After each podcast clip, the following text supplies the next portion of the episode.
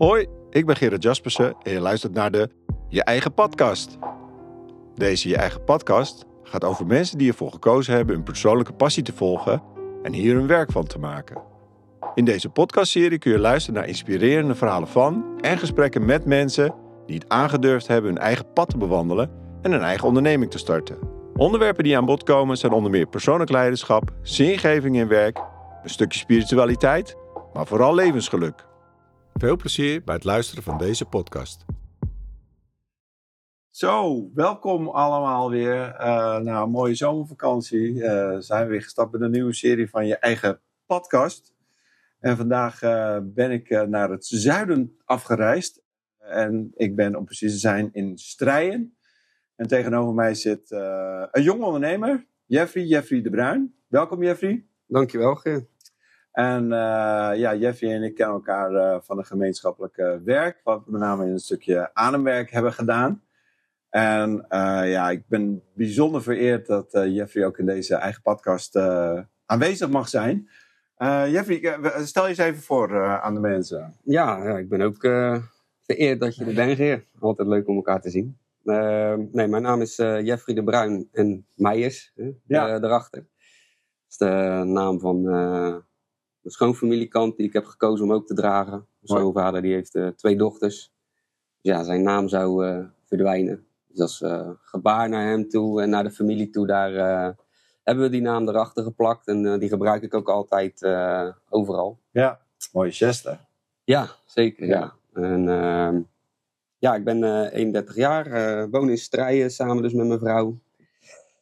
En ja, ik moet zeggen, ik woon heerlijk. Ja, nou ik moet zeggen, we zitten in de tuin. Het is uh, nog uh, mooi zonnig weer. Ja, dus, uh, absoluut. We, we, we, konden het niet beter hebben in ieder geval. Nee, nee. Nou ja, zoals je weet, deze podcast hier gaat met name over mensen die echt het hebben aangedurfd om hun eigen pad te kiezen en, en, en een duidelijke keuze voor zichzelf te maken. En, en nou ja, je bent echt wel een heel mooie inspirerende bron ook. Ik denk voor heel veel mensen, ja, voor de mensen die het niet kunnen zien, maar achter Jeffrey staat een hele mooie, ja, wat moet ik zeggen, een soort van badkuip. Een hele mooie aluminium badkuip. En uh, ja, daar doet hij iets met ijsbaden mee. Daar gaan we het later zeker nog wel even ja, over hebben. Uh, want voordat die badkuip uiteindelijk in, dit mooie, in die mooie achtertuin terecht is gekomen. Uh, ja, dat, dat, dat, was volgens mij niet hetgene wat jij in gedachten had toen jij zal maar zeggen, op de middelbare school zat. Nee, nee. Waar kom je vandaan, Jeffrey? Ja, ik ben geboren in Rotterdam.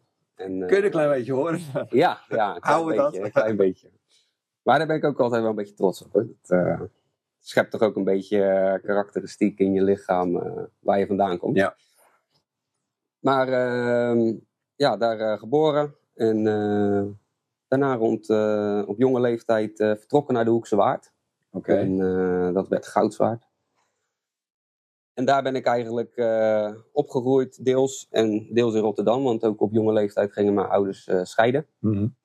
En uh, ja, daar gebeurde toch wel uh, gelijk al een hoop in mij. En dat was voor mij een hele zware klap. in het begin leefden allebei mijn ouders nog op Goudzwaard. En ja. vrij snel ging mijn vader weer terug naar Rotterdam. Mm -hmm. En ik merkte ook dat dat ja, een zware periode eh, is geweest. Wat gebeurde er met jou? Ik werd uh, heel aanhankelijk. En dan met name uh, van mijn moeder. Oké. Okay. En nou, nou bleef je wonen? Ja, ja, ik bleef bij mijn moeder wonen. mijn broer ook toen nog wel. Ja. En wij gingen dan om de twee weken gingen we naar mijn vader toe. Ehm, en in het begin vond ik dat niet leuk. Nee, nee. Ik kon wel zeggen dat ik echt moeite had. ik herinner me ook echt momenten dat dat mijn vader mij huilend uit de armen van mijn moeder pakte. Hè, van, oh jee. we gaan nu toch gewoon met mij mee. Want ja, hij had op dat moment natuurlijk gelijk. Alleen ik als klein kind. Ja, ja ik was daar totaal uh, ontregeld van en uh, bang. Uh, ik wilde bij mijn moeder blijven. Dus, ja, ja, dat, ja, dat is één situatie waar ik me heel goed kan herinneren. En daarna, ja, daarna is groeiden we eigenlijk op steeds een weekend bij mijn vader, en dan twee weken bij mijn moeder. Mm -hmm.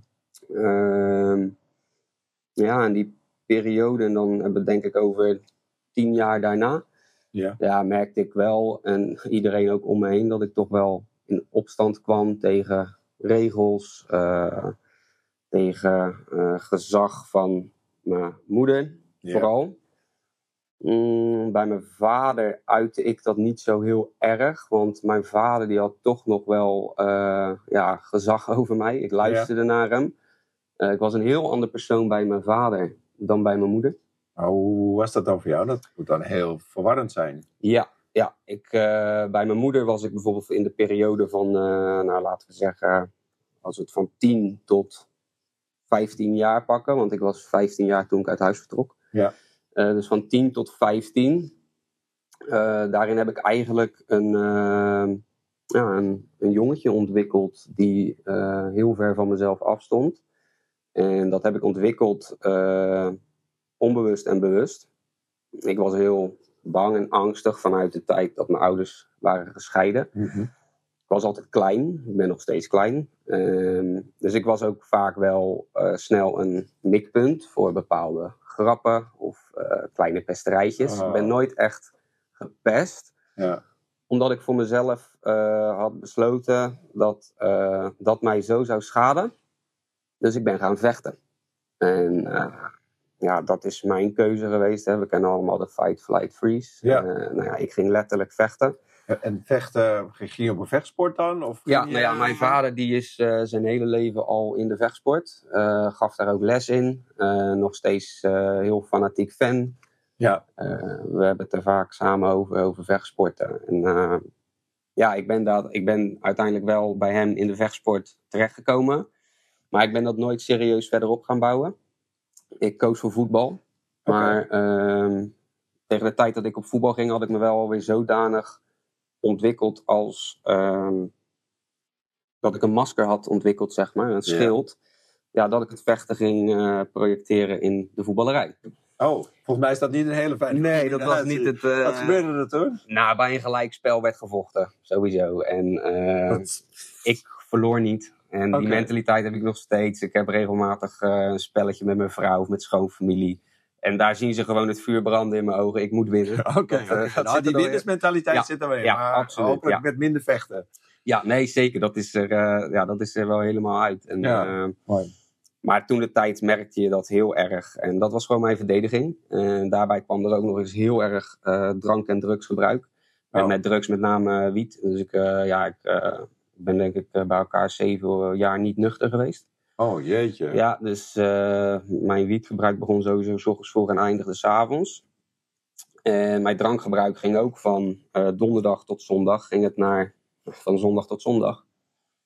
En dat was eigenlijk ook wel de periode waarbij ik me eh, uiteindelijk heb afgesloten voor mijn vader.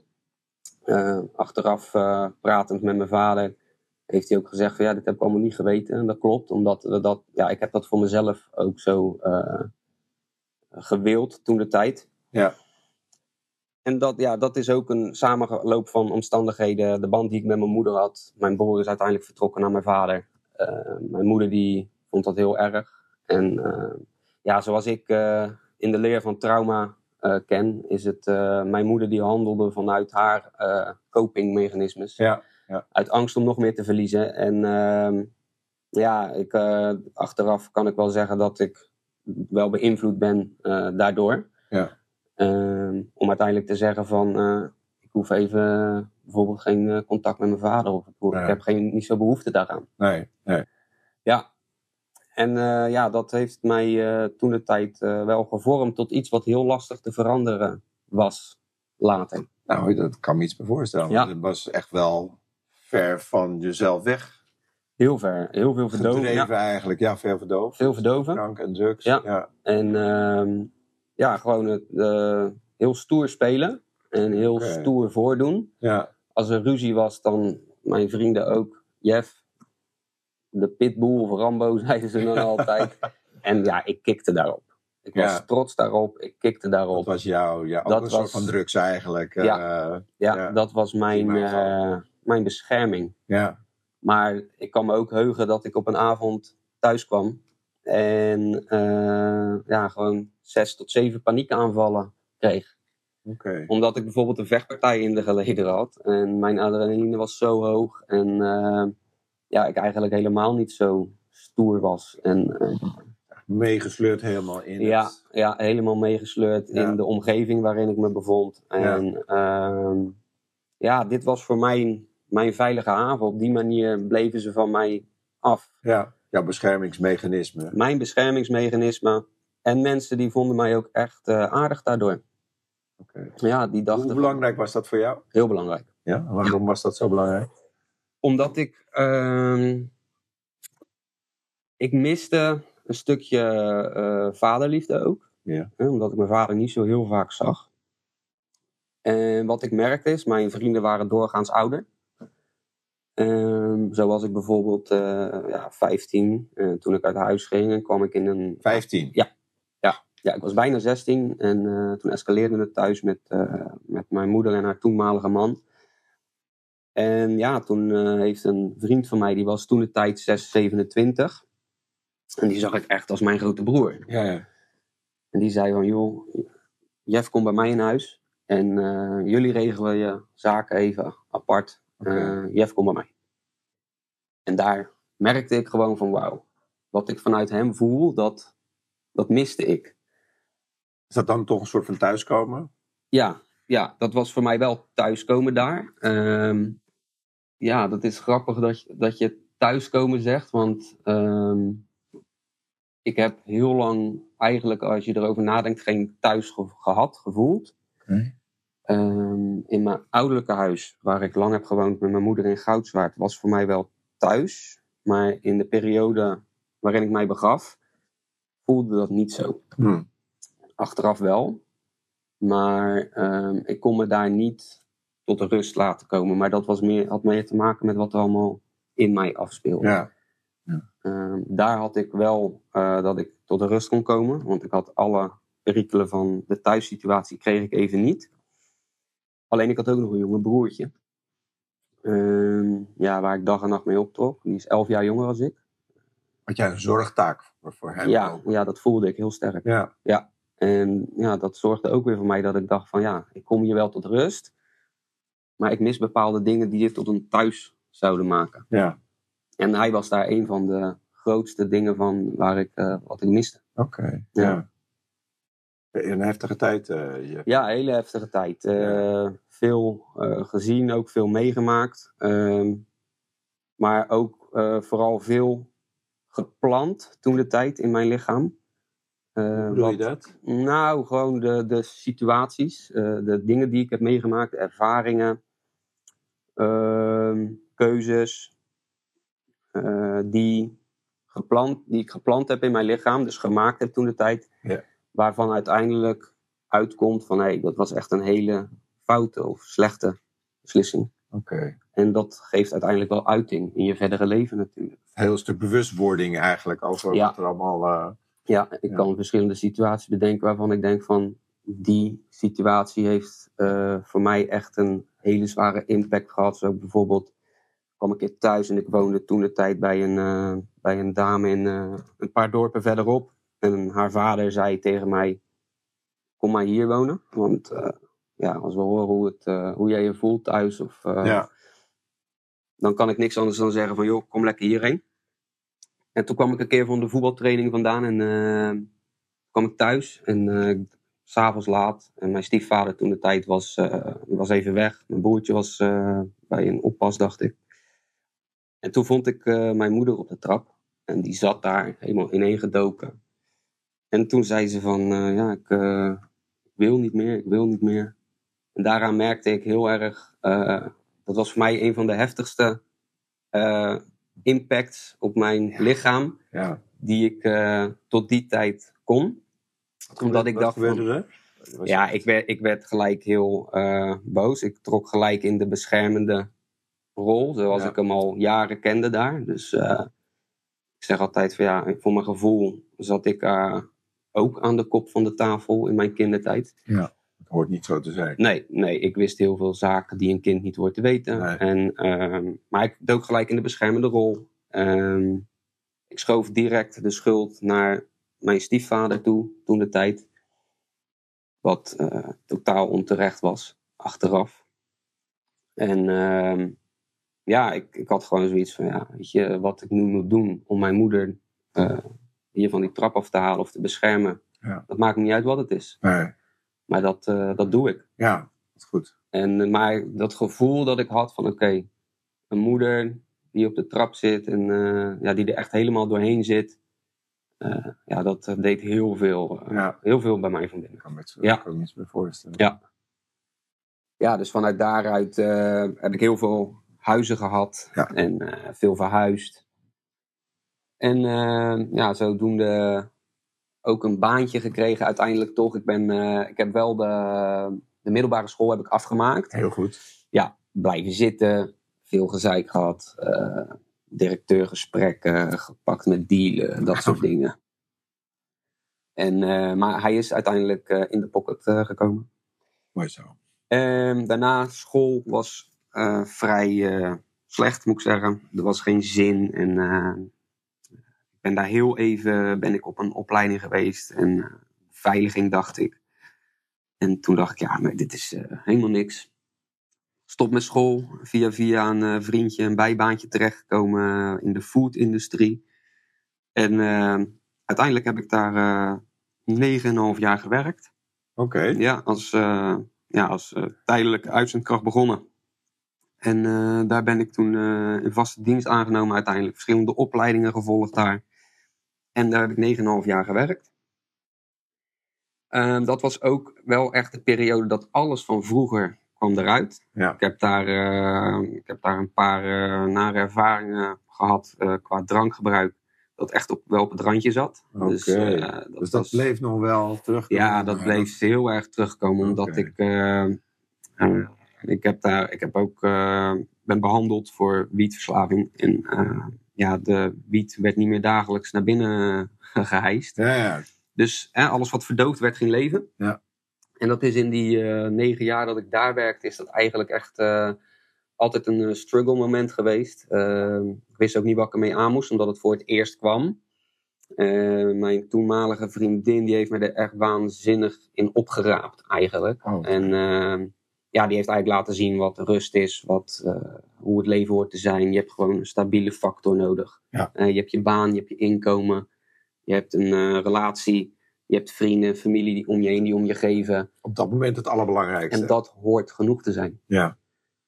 En ehm, ja, door mijn gevoelens die allemaal opkwamen, kon ik dat nooit als genoeg zien. En ik Ah, miste ja. gewoon iets en dat was de verdoving. Ja. Dus eh, ik kon niet eh, dealen met alles wat ik voelde. En eh, helaas haar ook heel veel onrecht aangedaan toen. Gewoon niet netjes behandeld in de zin van aandacht. Het was altijd de Jeffrey Show, noemde zij dat. Ja. Alles draaide om Jeffrey, want ik moest sporten. Dat was mijn nieuwe verdoving. Ik moest uitgaan uiteindelijk toch in het weekend, want ja, ik wilde toch drank. Ja. En ja, dat is toen ook een hele nare periode geweest. Maar daarbij wel nagedacht over van, hey, als, als ik al die stabiele dingen heb, maar ik ben acht uur lang niet gelukkig. Dan hebben we het over mijn werk. Daarna ben ik acht uur lang niet gelukkig, want dan heb ik het over mijn privésituatie. En vrienden en familie hebben daar geen invloed op Mhm. ja, toen is bij mij eh, wel wat gaan eh, branden in mijn bovenkamer. Van oké, dit moet of kan anders. Ehm, toen heb ik mijn eerste switch van baan gedaan. Doodsbang was ik. Eh, ik heb eh, vanuit mijn, vanaf mijn 18e tot eh, aan mijn 27e heb ik daar gewerkt. Het was een veilige haven. En Veilige je haven. natuurlijk dat je altijd gewoon netjes je centjes kreeg. En er werd Precies. voor je gezorgd. En Ja. Ja. En ja, wat was toch gedaan. Ja, man, ja, wat was er nog meer dan, dacht ik. Ja. Wat kan ik nog meer? En wat kwam er op je pad? Toen ben ik de biologische plaagbestrijding ingegaan. Oké. Wat, wat moet ik me daarbij voorstellen? Ja, dat is ehm, door middel van spinnetjes, mijten, andere insecten, eh, een plaag in het land eh, bestrijden. Dus Oké. in plaats van dat er eh, chemicaliën over worden bestrooid, Ja. ja, worden er dus insecten of wat dan ook over het land verspreid, die de plaag weer opeten. Ja, Beter dan gif. Dat Beter dan wel. gif, zeker. Biologisch. Ja, zeker. En dat, dat was voor mij ook wel mijn eerste contact om, ja, om eens te gaan kijken, hey, natuur, wat, eh, wat, wat is dat? Eh, Dus die baan is heel belangrijk eigenlijk. Los van het Ja. werk zelf. Ja. Maar bewustwording van... Ja, nou ja, vooral dat je een keer met een baan kan bijdragen aan iets wat, wat jou goed doet. Ehm, Hoe voelde dat dan ineens? ja, dat voelde heel fijn. Boven dat het voor mij ook echt een eh, promotie was, want ik kreeg leidinggevende functie daar. Kijk, Ja, ja, ehm, ja, dat was toch wel iets wat ik had ontwikkeld in mijn tijd van eh, op de straat. Ik had wel mijn bekkie bij. Dus ik kon, Ja, ja. ik kon heel goed eh, praten. Ik kon vrij goed overtuigen. Ehm, ja, en als je dan ook nog eens gaat leren, dus je weet dan vervolgens ook nog eens waarover je praat. Ja, dat waren twee goede dingen. combinatie. Ja, die kwamen perfect bij elkaar. En eh, ja, binnen anderhalf jaar daar ook van een leidinggevende rol als coördinator naar een, een overhead functie gegaan als teamleider daar.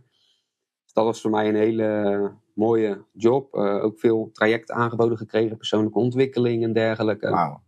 Ja, waarin je toch ging leren hey, communicatiestijlen, maar ook vooral de persoonlijke, on- persoonlijke ontwikkeling binnen in jou. Dus eh, ja, wat doet bepaalde communicatiestijl met jou als persoon? Ja. Maar ook de communicatie naar jezelf toe, heel belangrijk. Je lichaamstaal, eh, taal die je naar jezelf uitspreekt. Ja. En dan bijvoorbeeld in gedachten al.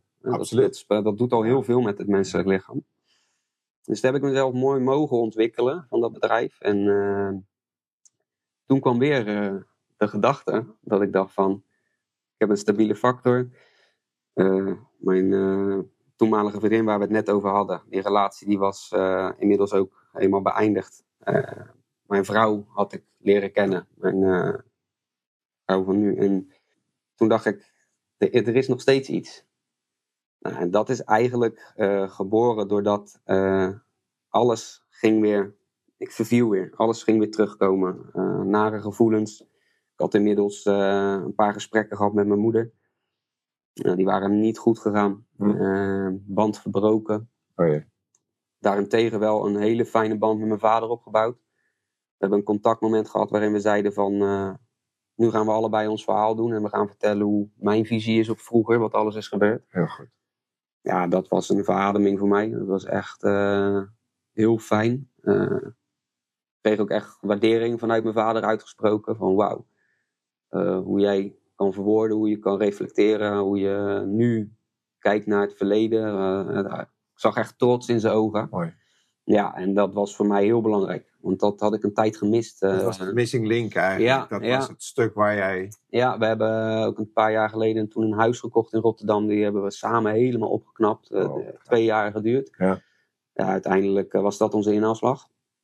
Ja, daar, daar gebeurde weer een, een nare situatie waarin eh, ik al een paar maanden verloofd was met mijn vrouw. En eh, ik lag op het strand met een vriend en eh, die zei, joh, je hebt geen contact meer met je moeder hè? en over een paar maanden is de bruiloft. Hm. Vind je niet vervelend als ze er niet is? Nou, en zonder in het onbewuste van mij ehm, ja, zette dat alle alarmbellen in mijn lichaam aan. Ging al heel lang goed qua drinken. En ik antwoordde heel stoïcijns naar hem. Nee vriend, het is prima zo. Het is zoals het is. Ik heb geen contact. Helemaal goed. Heftig. Maar binnen twee uur eh, hadden we samen denk ik anderhalve liter rum op. En eh, was ik mezelf weer helemaal verloren. Niet wetende wat ik met deze emotie aan moest. Oh. En eh, ja, dat was, dat was voor mijn vrouw ook een hele nare ervaring. Ze heeft me altijd met alles gesteund. En ze staat altijd achter me, wat ik ook doe. Ook het ondernemerschap. Super fijn. Super fijn. Ze rent me nergens in. Maar die heeft toen heel gelukkig, heel direct gezegd van... Je hebt twee keuzes, of wij gaan trouwen, of jij gaat drinken. Zo, En Jeffrey. toen dacht ik van ja, dit is wel eh, precies wat ik nodig heb. Ja. En toen zei ze ook direct, je rijdt morgen naar je moeder. Je klopt aan. Ze doet die deur open. En je kijkt maar wat er gebeurt. Maar hier worden stappen ondernomen. En dat heb ik gedaan toen. Dus ik had mijn moeder, eh, ja, volgens mij eh, anderhalf jaar bijna, of bijna twee jaar niet gezien of gesproken ook niet. Wauw. En eh, ja, die deur ging open. En ja, mijn moeder die, die verblikte of verbloot in eerste instantie niet. En dat duurde bij mij hetzelfde voor vijf seconden. Toen vielen we in elkaars armen. Toen heb ik gezegd, mam, we geven elkaar vijf minuten om alles te vertellen wat nu dwars zit. Zodat we begrip kunnen bouwen voor elkaar. Mooi. En daarna kijken we niet meer naar vroeger. Daarna kijken we naar het verleden. Maar dan weten we, eh, kijken we wel met een stukje begrip Ja. naar de toekomst. Nice. Hebben we gedaan. En eh, een paar maanden later zat ze op de bruiloft. Dus, Wauw. Ja, dat, dat was voor mij fantastisch. Wat een enorme stappen heb je Ja. daarin gemaakt. Ja, mijn vader die was er, mijn moeder was er. En eh, iedereen was er. Dus ja, dat, dat was voor mij eh, weer een winst. eh, waardoor ik gewoon eh, verder kon. Ja. En ehm, ja, dat was voor mij ook dat ik de, de reden dat ik ben begonnen. Dus ik merkte van, nou, ik kan niet dealen met emoties. Ik ga ademwerk doen of ik ga ijsbaden doen. En dat Hoe is ben je daar zo bij terecht? Ja, dat is geen bewuste keuze geweest. Ik eh, zat alweer eh voor de vierde keer in een jaar met een hartkastje om bijvoorbeeld. Omdat ik eh, klachten had van mijn lichaam. Hè, die gaf gewoon signalen. En toen raakte ik via via bij een bekende van mij terecht. Ik had die jongen overigens al een paar eh, jaar niet gezien, maar die kon ik van vroeger. En die was bezig met eh, ja, de Wim Hof method. En hij zei, joh Jeff, ken je van vroeger. Ik weet een beetje waar je doorheen bent gegaan. Eh, ik had toen ook angst- en paniekstoornis verleden. Hij ook. Eh, dus ik had wel een soort connectie. Hij begreep jou. Hij begreep mij. En Hoe fijn is dat? ja, dat was zo fijn dat ik eh, toegang gaf. Ook aan hem. Tot mij, maar ook voor mezelf. Want ik ben daar Dat gaan... is een hele stap voor jou Ja, altijd. ja. ja. ja, ik ben daar gaan liggen. En eh, mijn vrouw kon mij niet met emotie. Dus ik kon op een begrafenis kon ik niet huilen. En op een bruiloft kon ik Ja. gewoon zeggen van... Nou, ik heb hier gewoon totaal geen zin in. Eh, En ik ben daar gaan ademen. En ik heb daar echt eh, ja, liggen spartelen van het huilen op de grond. En toen zei mijn vrouw ook van ja... hoe moet ik me dat voorstellen dan? Ja. Wat, is dat bij jou? ja. En Zij kende jou helemaal niet zo. Nee, nee. Nee, zij heeft mij eh, in, die, eh, in die jaren heeft ze, heeft ze mij één keer huilend gezien. En eh, dat was toen het in het begin een keer over mijn moeder ging. Ja. En, en daarna nooit meer. Nee. Nee. Dus dat was voor haar wel ook een, een bericht van: hé, hey, hier, hier is een doorbraak gemaakt. Mooi. Ja, ik ben daarmee doorgegaan. En eh, ik heb een eh, plastic kuip gekocht voor mezelf. Het was ook winter. Ik ben er elke dag gewoon gaan inzitten. Je bent voor jezelf begonnen Ja. met naar Ja. aanleiding van, van Ja. het ademwerk. En, en, en toen had je ook al in zo- zo'n bad gelegen. Want daar gaan Ja. we het zo zeker nog even Ja, over ja hebben. dat was bij hem. Eh, daar eh ademwerksessie aansluitend met een ijsbad. Ja. Super tof stel. Hij deed dat samen met zijn vrouw. Hebben mij ook heel erg op weg geholpen. Echt inzichten gegeven van hey, eh, dit zijn emoties. Eh, zo werkt het met ademwerk. Het zijn echt prachtige mensen die op je pad zijn gekomen. Absoluut, zeker weten. Ja, absoluut. En ehm, ja, dat, daar is voor mij het vuurtje gaan branden. Ja. Ik was toen eh, bij de biologische plaagbestrijding aan het werk. En het, het wordt een passie wanneer je iets echt voelt en wanneer het echt eh, ehm, jezelf zodanig heeft geholpen. Zeker met mijn verleden, dat daar is echt het vuurtje ontstaan van: wauw, dit, dit moet ik doorgeven. Dit, eh, hier kan ik ook werken. ja. En ja, Voor iemand die heel veel moeite had met zijn emoties en gevoel, Ja. ging je dit dus ineens heel intens voelen. Ja, heel intens. Ja. en ik dacht van nou oké, ik, ik moet dit eerst zelf voelen, ik moet dit uitpluizen. Dus ik ben gewoon elke dag in een ijsbad gaan zitten, Oké, ervaren. ervaren. Wat doet het met mij? Eh, lezen, wat, wat doet het hormonaal, wat doet het eh, lichamelijk, wat doet Ja. het eh, op elk niveau. Ademwerken ook, elke dag. Ik doe het nog steeds elke dag, soms twee keer per dag. Ja. Eh, gewoon mijn ademhalingsmeditaties. Ehm, ja, en dan ook verschillende cursussen gevolgd voor het ademen. En ja, dat, dat vuurtje ging zo branden dat ik op een dag gewoon bij mijn vrouw binnenkwam. En ik zei, morgen is de dag. Morgen is de dag. Morgen de de dag van. De dag van. En zij zei, nou vertel maar. Ik zeg, ik neem ontslag. Wauw. En haar mond viel open. Ja, maar hoe moet dit dan? En hoe moet dat dan? Ja. We hebben tien minuten gepraat en toen zei ze: Ja, ik sta achter je. Dus ja, dat was voor mij. eh, En neem ons heel even mee kort terug in een moment van je gaat denken en ja, hier is de dag. Dat is, dat, dit was. wat, wat gebeurde er? Het was voor mij. eh, ik heb daar best even mee gelopen eh, met die gedachten. Ja. En ehm, toen heb ik het allemaal gewoon weer even eh, neergezet op een rijtje voor mezelf. Van waar word ik gelukkig van? Ik heb een hele fijne vrouw. eh, met hele fijne familie. De band met mijn eigen familie is weer goed. Ik heb fijne vrienden. Ik ben gezond. Uh, maar nog steeds heb ik het acht uur lang niet naar mijn zin op mijn werk. En dat is geboren doordat ik uh, passie ben gaan voelen. Ja. En ik heb altijd, ik luister veel uh, motivation filmpjes. En daar sta, zeggen ze ook altijd: als je niet hebt gevonden wat je passie is, blijf doorzoeken. En toen dacht ik van, ik kan wel blijven doorzoeken, maar dit is het, ik voel het. Je voelt het, hè? Ik voel het, Het dit niet, is het. Het is niet weten, het is voelen. Ja. Dat is het, je Ja. moet het voelen. En dat voelde ik. En uiteindelijk eh, dacht ik, oké, ik waag de sprong in het diepe. Eh, wie niet waagt, wie niet wint.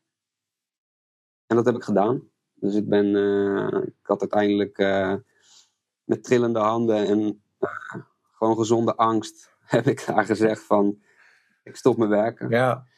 Oké, Jeff, kunnen we nog wat... Dapper. Ja, kunnen we nog wat doen voor je, om je hier te behouden? Eh, nee, de keuze is gemaakt. Oké. En eh, met trillende stem zei ik bedankt. Want ik wist ook dat er iets wegviel. En dat is een stukje Ja. zekerheid. Ja, ja dus zo heb je echt eh ondertussen slaat de hond van de buren. Die wil ook even meedoen. Maar die, want dat bedrijf is heel belangrijk voor jou geweest. Ja. Die hebben jou echt weer Ja, en ehm, waardig gehad in ieder geval. Ja. Maar je nam het besluit, ik ga voor mezelf beginnen. Ja. Dat was het besluit dat was het je gaat besluit. naar de KVK. Ja, we had gaan een naar de KVK. plan. Ja, ik had een plan en dat was... Eh, ja, ik wilde die, die, die ademwerk eh, eh, sessies samen met het ijsbad wilde ik gaan verzorgen voor mensen. Ja. Omdat ik had gezien wat het voor mij deed. En ja, daarnaast ben ik zelf ook een stuk traumatherapie gaan volgen voor mezelf. Ja. En uiteindelijk ook daar is een eh, aansluiting gevonden op het ademwerk. Ja. Wat daar heel mooi bij aansluit. Ehm, dus wat ik daarna ook in mijn aanbod eh, wilde hebben. En ja, dat, dat is vanaf dag één is dat eh, gewoon goed gegaan. Ik heb geen moment spijt gehad. Ehm, ik krijg van mijn baas toen de tijd zo nu en dan een schouderklopje.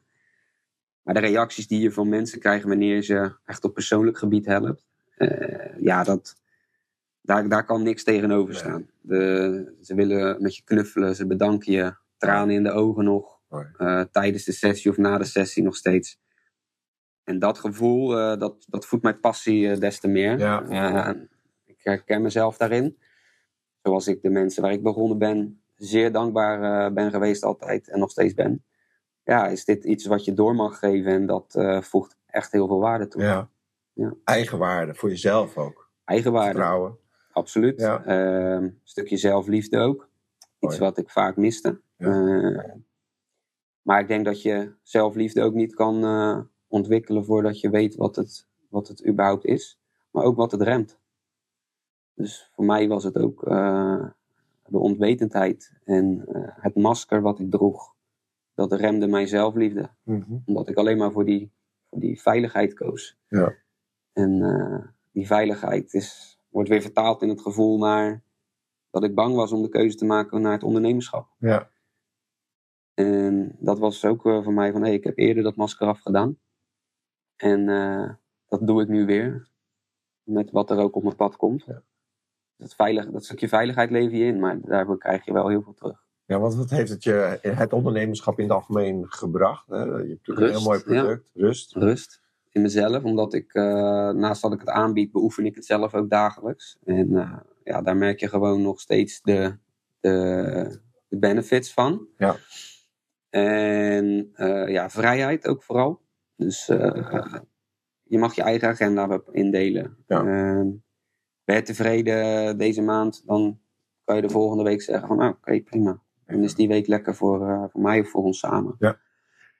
Ehm, ja, dat eh, vooral. Maar het is ook vooral dat er, dat er waarde wordt toegevoegd aan hetgene wat je, wat je doet, wat je Ja. geeft aan de mensen Wat je terugkrijgt. wat je terugkrijgt. En in het begin denk je, ja, die vrijheid is het. En eh, oh, voor, je, voor je eigen werk, veel geld. Nou, dat, dat valt in het begin natuurlijk altijd gewoon reuze tegen. Ja. Je bent wat aan het opbouwen. Ehm, maar vooral dat stukje waarde wat je geeft aan mensen. Nou, wat je automatisch ook weer terugkrijgt van de mensen. Ja. Dat is eh, ja, verrassend eh, meer waardevol voor mij dan, eh, Ja, wel hè? dan alle andere Ja, aspecten van het ondernemerschap. Ja. Nou ben ik heel erg nieuwsgierig naar jouw ijsbad natuurlijk. Ja. Nou uh, nemen we dit op uh, en, en volgende week mag ik zelf uh, in een ijsbad. Dus, dus Ja. ik ben zeker heel erg nieuwsgierig. Ik denk dat heel veel luisteraars dus ook heel erg nieuwsgierig zijn. Wat, wat, wat heeft het ijsbad jou, maar wat, wat brengt het ijsbad de mensen? Ja. Eh, los dat het heel koud is volgens mij, maar Ja, nou ja, kijk, ik kom, kom zelf vanuit een angststoornis en paniekstoornis. Dus voor mij was het, eh, wel, doe niks wat mijn hartslag omhoog brengt. En eh, doe niks wat je paniek geeft of wat Nee. je stress geeft. Dat moet je allemaal lekker laten. veilig. Veiligheid. En toen het ijsbad op mijn pad kwam, toen merkte ik dus dat je zelf controle kunt uitoefenen op externe factoren. Dat en ja, en of nou ja, ik zeg het eigenlijk eh, verkeerd. Het is alles wat er om jou heen gebeurt, hè, de, de externe factoren, daar heb je dan geen invloed op. Maar hoe, wat, je doet, wat het doet met jou van binnen, dat kan je beïnvloeden. Zo kan je, ga je bijvoorbeeld in een ijsbad zitten en het eerste wat jouw lichaam doet, is die zet alle alarmbellen aan. Dus alles is gevaarlijk, want kou is gewoon een van de grootste Koud douchen stressoren. heb ik er Ja. al last van. Je merkt het, je, ademhaling, hartslagen. Kou is een van de grootste stressoren in het lichaam. Maar wat je dan vervolgens kunt doen, en ik zeg altijd de eerste paar seconden laat gebeuren wat er gebeurt. Laat je lichaam die klap maar even verwerken. En uiteindelijk zijn er gewoon hele makkelijke signalen die jij naar het lichaam kunt sturen. Bijvoorbeeld een lange uitademing. Ik zeg altijd, joh, al is het maar met een halve seconde of een seconde. Maar elke uitademing die we hierna gaan doen, na een x aantal seconden, die verleng je. Ja. En daarmee zeg je eigenlijk tegen het lichaam van, er is rust. Er is geen zuurstof in een vorm van hyperventilatie nodig. Nee. Ik blaas hem heel rustig uit. En daarmee kalmeer je eigenlijk ook het lichaam. Hormonaal gebeurt er ontzettend veel in het lichaam met een ijsbad. Eh, eerst stijgt de adrenaline en de cortisol ontzettend, want je bent Ja. in een noodsituatie. Hè? Dus het lichaam die geeft gewoon alle stofjes af die je nodig hebt eh, in een dergelijke situatie.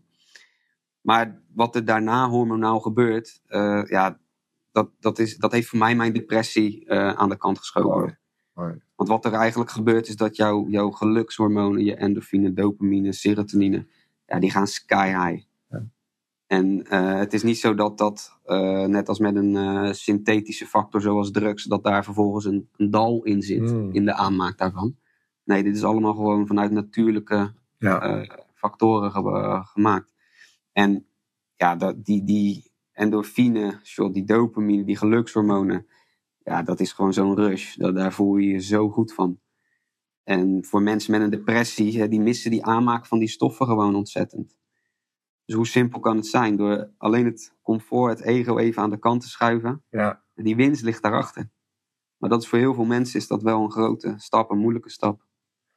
Ik kan me iets meer voorstellen. Maar ik begrijp dat die zeer de moeite waard is. Ja. Meer dan dat Hoe kijk je er tegenaan? Ja, ik geef, geef toen nou ik dit hoor hè, iets minder angst aan, want ik voel dat ook wel. Ik denk dat ik ook die stress wel zou krijgen. Eh, maar ik ga zeker aan jouw woorden denken volgende week. Ja. Eh, dat ik weet dat ik daarna heel erg beloond ga worden. En, Ja. en, en niet alleen op dat moment, maar als ik goed begrijp dat je er ook op de lange termijn Zeker. heel veel effect eh, Zeker, het is ook de beste training voor het hart- en bloedvatenstelsel. Ja. Eh, dus eh, ja, wij, wij leven in een klimaat dat is allemaal gevormd op comfort. Eh, we zetten de kachel aan wanneer we het koud hebben. Ja. We dragen een trui als we een beetje koud hebben of wat dan ook. Eh, de airconditioning systemen. Maar ehm, ja, die bloedvaten die krijgen nooit meer de, de knijpreactie wanneer we een kou tegenkomen. En dan een kou met name alles wat een beetje onder de 12, 11, 12 Ik vind het wel graden ligt. koud, ja. Ja, ja, maar dat geeft die stressreactie op het lichaam. ja. En die training van die bloedvaten die dan dichtknijpen om de warmte binnen te houden en de kou buiten, ja. die krijgen wij niet meer. Nee. Maar juist die training is zo belangrijk voor het soepel laten verlopen van het bloedvatensysteem. Het hart, wat gewoon rustig mag pompen. Mijn hartslag is met 35 slagen per minuut gedaald. Oh my god. Ik zat in rust, zat ik een film te kijken in mijn eh, slechte periode. En eh, toen werd ik me bewust van mijn hartslag door hartkloppingen en dergelijke. En toen dacht ik, ga eens meten, want ben ik nou wel oké? Ja. En dan zit ik in rust op de bank een film te kijken met 95 hartslag. Oh, dat is Ja, heel handig. Ja. Dan ben jij niet in rust. Nee. Dan zit jouw lichaam ergens Stress, gewoon, continu. ja, die is aan het werk. Ja. En ik zit nu gewoon heel rustig op de 60, 65. Perfect. Ja. Perfect, gewoon hoe het hoort te zijn. Heel veel Ja. eh, gezondheidsvoordelen. Ontzettend veel Ja. gezondheidsvoordelen. Immuunsysteem, dat werkt, eh, zo- die krijgt zo'n boost. Ja. Ja, maar ook de sportieve eh, eh, kanten. Dus de, de vetverbranding. We werken met bruin en wit vet in het Ja. lichaam. En dat, dat witte vet, ja, dat is heel moeilijk aan te spreken. Het bruine vet, dat kan veel makkelijker verbrand worden door het lichaam wanneer we reserves aanspreken. En dat witte vet, dat wordt gewoon, ehm, ja, als het ware vervangen door het bruine vet door middel van koude blootstelling. Oké, waardoor je het uiteindelijk weer sneller kan Ja, dus ook, als ja, precies. Dus ook de vetverbranding eh, zo, krijgt hier een enorme boost van. Ja. ja. Er zitten heel veel Dus gezondheidsvoordelen. eigenlijk moet iedereen gewoon een keer in een ijsbad. Eigenlijk maar, moet iedereen in een ijsbad. Maar dan vaker. Ja, Dus, dus ja. alhoewel, één keer is al... Eén keer is natuurlijk eh, een hele goede training. Eh, als jij een keer helemaal gesloopt bent van je werk en je komt thuis Ja. en je hebt de mogelijkheid om in een ijsbad te gaan zitten. Ga maar eens zitten en eh, let de avond erop hoeveel energie jouw lichaam nu bevat. Ongelooflijk. En Ja. dat is gewoon die nasleep van het ijsbad. Ja. Ja. Hoe, hoe heet je bedrijf? Knowledge of power. Knowledge of Power. Yes. Nou, ik zal het in ieder geval eh, onder de podcast eventjes eh, erbij zetten. En ja, ik ben, ben zeer geïnspireerd. En nog meer zin om het volgende week te doen. En, Ja, moet je zeker doen, Ger. Ehm, als je terugkijkt. Jeetje, wat een reis heb jij gemaakt. In je jonge, jonge Ja. leven nog. 31. Ja, Ja. 31 jaar. Ja. En eh, wat een wijsheid heb je mee mogen krijgen van eh, bijzondere mensen. Zeker. Ja, het is, eh, ik zeg ook altijd, voor, zeker voor mensen die, waar ik mezelf in herken. Ik heb altijd twee motto's. En dat is, we willen allemaal stoer zijn. En de definitie van stoer is in mijn ogen iets doen wat niemand durft. Mhm. Dan vraag ik altijd aan de mensen, hoeveel mensen durven vandaag de dag nog om te gaan met emotie? Dus als je stoer wil zijn, ga maar eens kijken hoe, wat jouw emotie is. Want dat is iets wat niemand meer durft. Mooi. Dankjewel. Ja, echt, echt, wauw. Ik Graag heb diep gedaan, respect eh voor waar je vandaan Maar je hebt echt ongelooflijk een mooie keuze gemaakt. Zeker niet makkelijk. En, Nee. eh, echt eh, heel veel uitdagingen moeten overwinnen.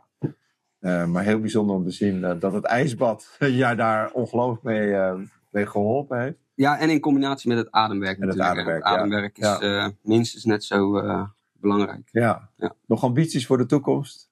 Zeker. Ik zou het fantastisch vinden om uiteindelijk lezingen te geven. Mooi. Ja, spreken, dat vind ik fantastisch om te doen. Ehm, ja, en voor de rest, ik hoop zoveel mogelijk mensen te helpen. Ja. Ehm, die ook van uiteindelijk hun, eh, nou heb ik hem weer, die ook hun rugzak eh, in plaats van stenen mogen vullen met lessen. Eh, dus ik heb nog steeds hetzelfde rugzakje op mijn rug. Mooi. Hij weegt net zo zwaar. ehm, maar het zijn geen stenen meer, het zijn lessen. Ja. Ehm, en ja, dat geef ik de mensen ook altijd mee. En ik hoop zoveel mogelijk mensen die eh Switch mogen laten ervaren. En dat het eh, uiteindelijk eh, mooi mag eh, uitgroeien tot een succesvolle onderneming. Dat is het volgens mij nu al. Maar mochten de mensen meer willen weten, dan weten ze in ieder geval te vinden Ja. op de socials. En, Ja, Instagram, Facebook, eh, LinkedIn zijn we beschik- eh, beschikbaar. En binnenkort eh, gaat de website in de lucht. Oké, nou dat gaan we allemaal, eh, delen. Dankjewel Yes. Jeffrey Geer, jij ook heel erg bedankt. en succes. Yes. Dankjewel voor het luisteren naar deze Je Eigen Podcast. Tot de volgende keer.